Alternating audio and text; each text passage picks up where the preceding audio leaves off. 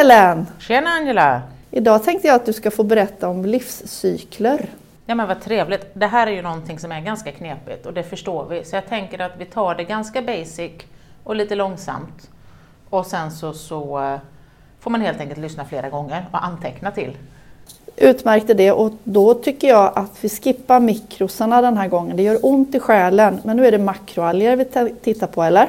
Ja, och jag tänkte faktiskt också att vi hoppar över rödalgerna den här gången, för där blir det ganska knepigt. Så jag tänkte att vi fokuserar på grön och brunalger. Sen kanske vi kan ägna ett helt avsnitt åt rödalger någon gång? Det kan vi absolut göra. Och vi kan säkert ägna fler avsnitt åt bara mikroalger. Absolut.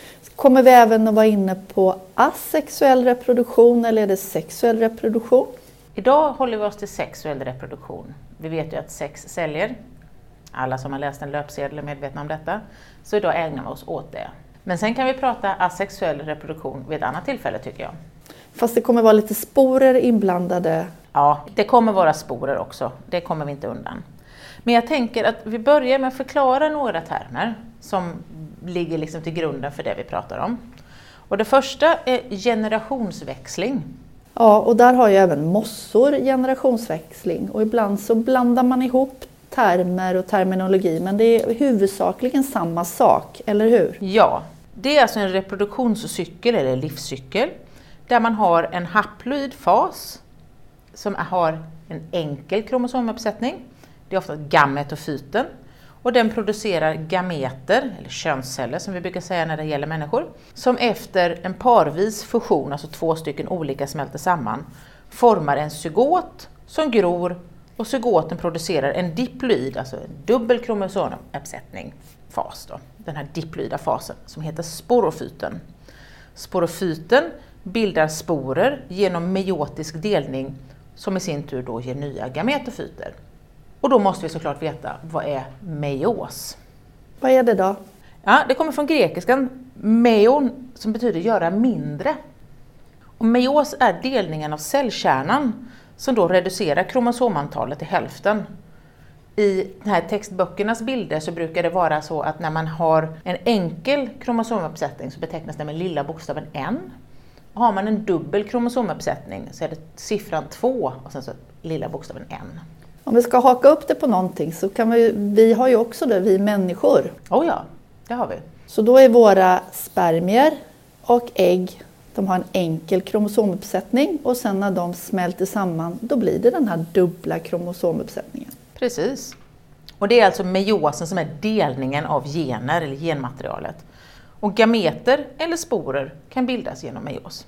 Och det här finns det ett annat ord som man kan blanda ihop med och det är mitos från grekiskans mitos som betyder tråd. Och det är när vi kopierar våra kromosomer, celldelning, tillväxt helt enkelt. Lysande. Ja, mitos, meios. Och då börjar vi att titta på de här olika livscyklarna som finns. Jag tänker att vi börjar med uttrycket haplontisk livscykel. Haplontisk, haploid. Hänger det ihop? Ja, det hänger ihop. Den dominerade fasen är alltså då den haplontiska, eller den haploida livsformen, det är den enkla kromosomuppsättningen. Och det haploida stadiet är då flercelligt och det är bara zygotstadiet som är diploid, alltså har dubbelkromosomuppsättningen. Mm. Motsatsen till det här är en diplontisk livscykel.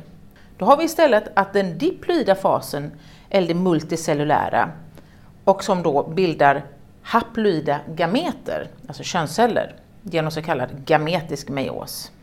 Så meiosen bildar de här gameterna.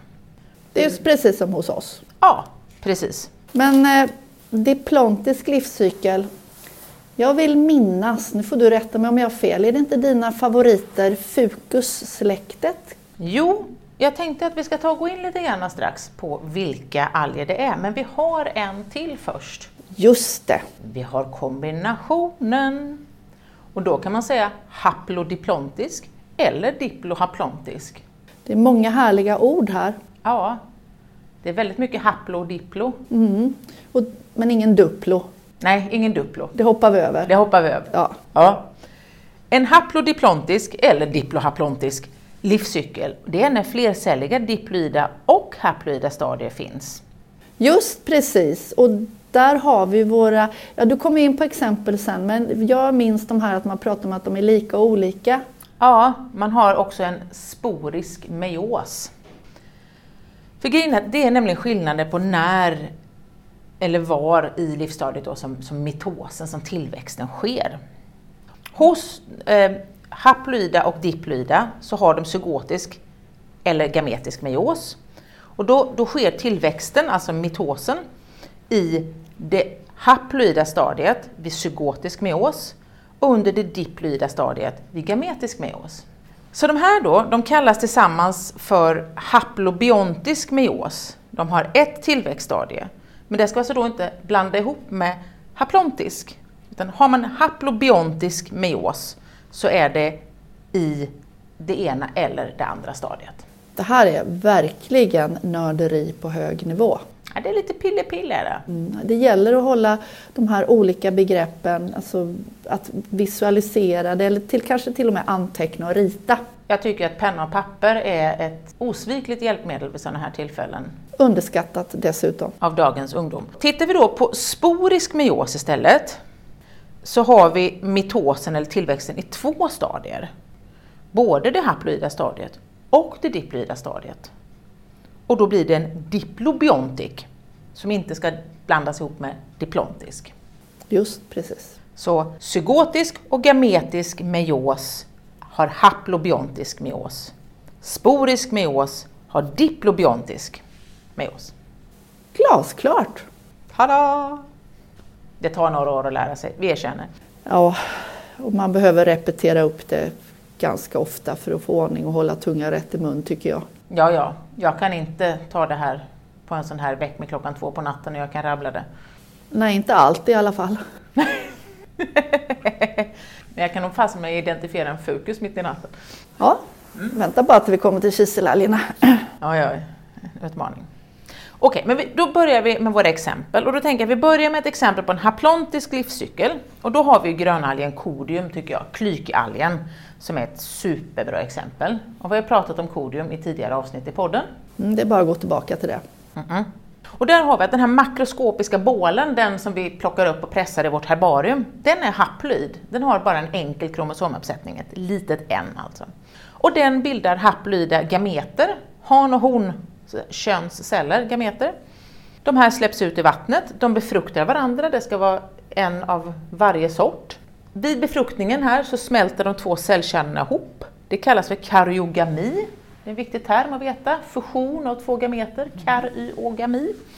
Och då bildas en diploid zygot. Woop, woop.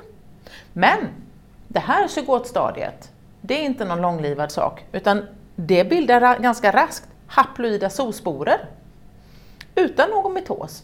Alltså zygoten tillväxer inte särskilt mycket utan den börjar direkt omforma sig till sporer.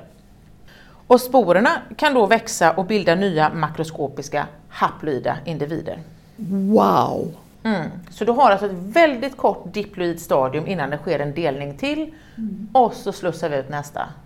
Och då är det bra att komma ihåg att om någonting heter något med zoo och som zoosporer, det betyder att de är rörliga. Ja, en liten svanseluring. Yes. Snyggt! Mm.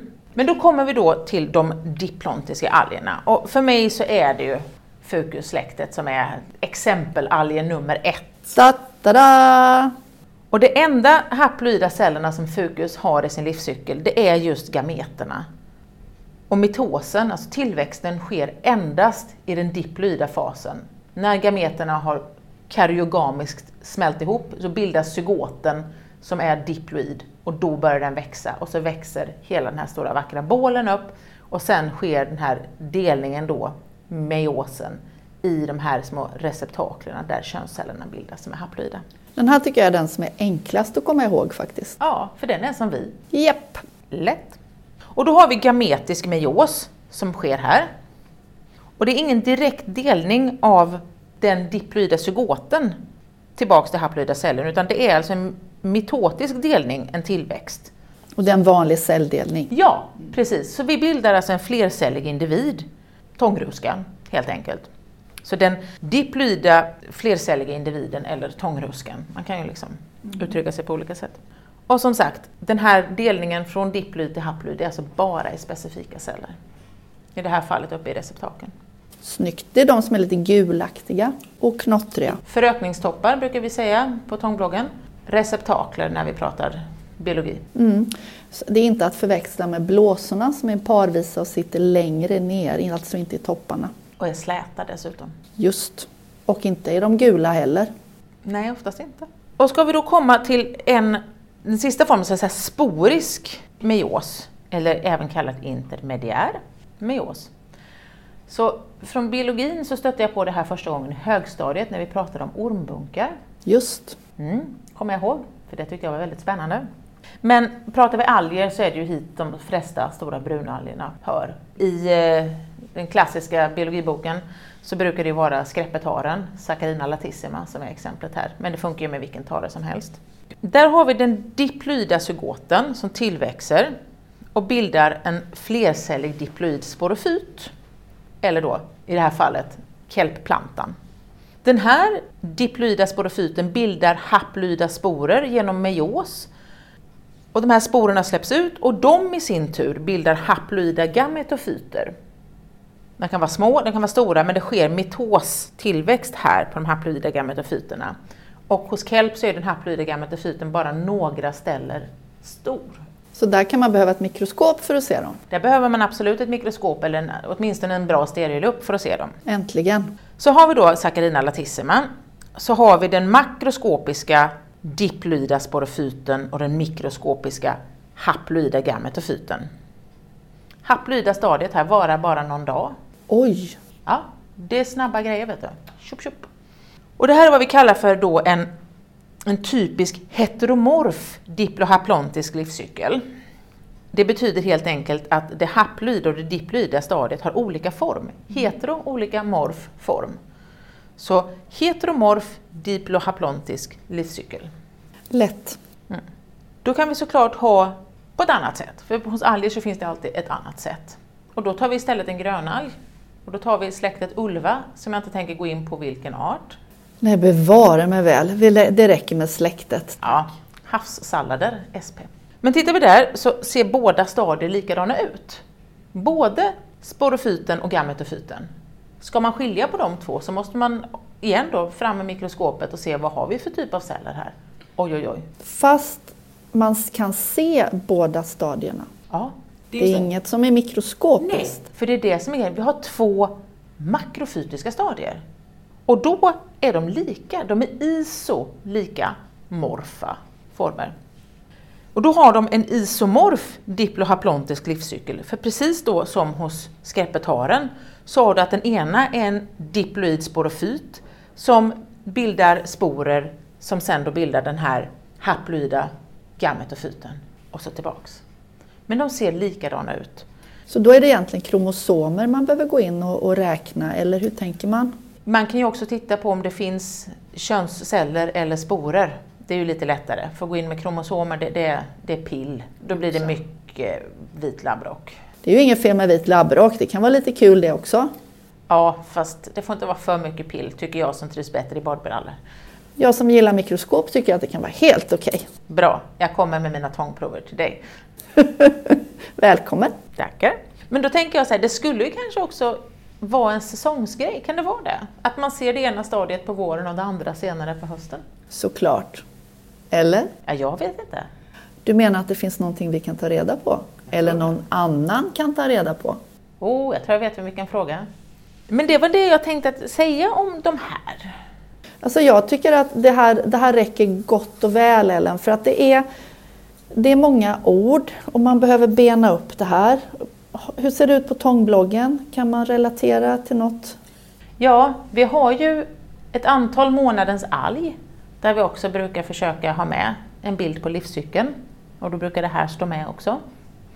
Vi tar ju såklart och försöker göra ett sammandrag, ett litet inlägg lagom till att vi kommer ut med det här avsnittet. Mm, det tycker jag låter väldigt bra. Och sen så helst skicka iväg en hälsning till alla mina studenter på baskursen som ska kunna det här som ett rinnande vatten till tentamen.